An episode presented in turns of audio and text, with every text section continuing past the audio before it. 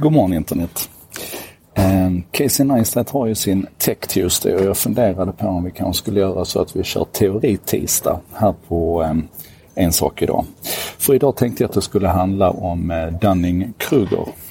Jag vet inte om ni har sett den här modellen någon gång. Den, uh, den ser ut ungefär på det här viset där vi har två stycken axlar här där den ena handlar om din din kompetens och hur mycket du kan om någonting. Och den andra skalan här den handlar om hur säker du är på att du har rätt, alltså ditt, ditt förtroende till din egen kunskap. Och lyckligtvis i alla fall så finns det något positivt här och det är att när vi är här nere allra precis i början på att vi börjar kika på någonting så då är vi medvetna om att vi inte kan speciellt mycket. Men sen går det fort utför. Vi, vi liksom kliver direkt upp på det här som man kallar för pick of Mount Stupid. Jag hade en, en kund i förra veckan som beskrev sitt eget företag som att de har byggt, eh, we built an institute on the peak of Mount Stupid. Och det där är tyvärr alldeles för vanligt. Och vill man se det här i effekt så, så kan man tänka tillbaka på hur det var i somras med skogsbränderna.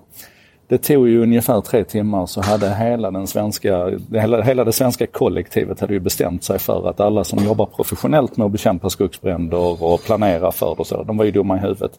För alla var ju här uppe och förstod precis hur enkelt och självklart det var att lösa det här problemet. Grejen är att när vi sen lär oss mer så inser vi hur komplex frågan är.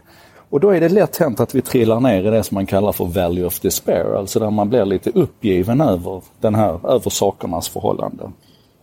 Ehm, och så kan man antingen stanna där nere, eh, vilket jag ska komma till. Det, det, känns som det är rätt mycket där vi befinner oss just nu med internetutvecklingen eller mediernas och politikernas och tyckarnas syn på, på internetutvecklingen. Att vi är här nere, allting är svart, allting är hopplöst, allting är värdelöst, allting är livsfarligt det jobbet man sen måste göra, det är det som vi gör tillsammans här på En sak idag. Det är när vi försöker ta oss upp för den här, mot den här platån av sustainability, platån av hållbarhet kan man säga. Där man hela tiden kan försöka driva den här utvecklingen och, och, och göra den begriplig både för sig själv och andra och se till framförallt att man att man letar efter möjligheter i de här utmaningarna. Att man inte bara stannar i att saker och ting är svårt och värdelöst och hopplöst och farligt. Och tittar vi då till exempel på den, på den svenska politiken nu så har vi ju, vi har, vi har ju mandatpingis och talmansterror och korridorskäbbel och det känns ju som att hela den svenska politiken just nu bara handlar om spelet och inte alls om saken. Och att i det läget överlåta på de här politikerna att, att lagstifta och, och, reglera internets framväxt. Det känns för mig fullständigt livsfarligt. Och vi såg ju exempel här nu eh, med, med EU-omröstningen runt paragraf 11 och 13 till exempel med länkskatten och, och censurmaskinen och så vidare. Det där är, hur man än vänder och vrider på det, så för den framtida utvecklingen så är det dåliga lagar. Och då kan vi titta på nästa aktör som är problematisk här, de svenska medierna som verkligen, alltså de är sinnebilden av Dunning-Kruger egentligen, hur de har älskat internet och hatat internet och älskat internet och hatat internet i takt med att, att tekniken utvecklas och man antingen tycker att det är det bästa sen skivat bröd eller man tycker att det är demokratins undergång. Och, och för att backa tillbaka till paragraf 11 och 13 och det som hände i EU där så är det helt otroligt hur man har kastat bort all objektivitet man skulle kunna ha i den rapporteringen. Eftersom man var en, en, en part i målet. Men det har man aldrig redovisat. Mycket snuskigt.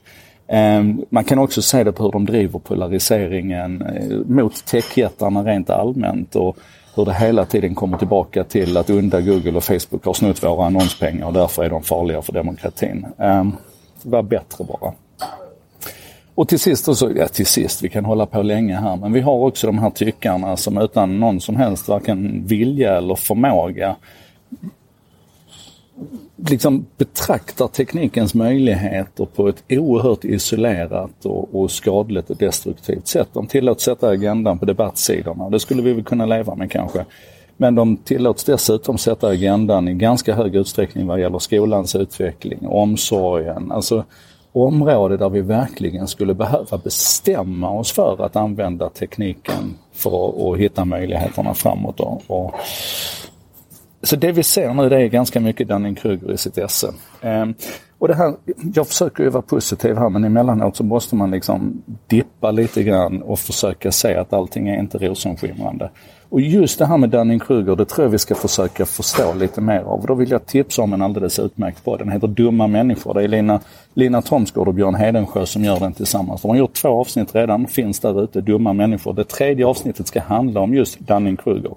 Så att jag tycker att vi tittar på det och sen så börjar vi föra en diskussion om hur vi ska få liksom en, en armé på plats som, eh, som kan försöka bekämpa eh, både Mount Stupid och eh, Valley of Despair och se till att vi tillsammans hittar upp den här plateau of sustainability. Så tänkte jag. Eh, och det här var en sak idag, producerat av mig Joakim Jardenberg. Eh, vi håller där och så ses vi imorgon.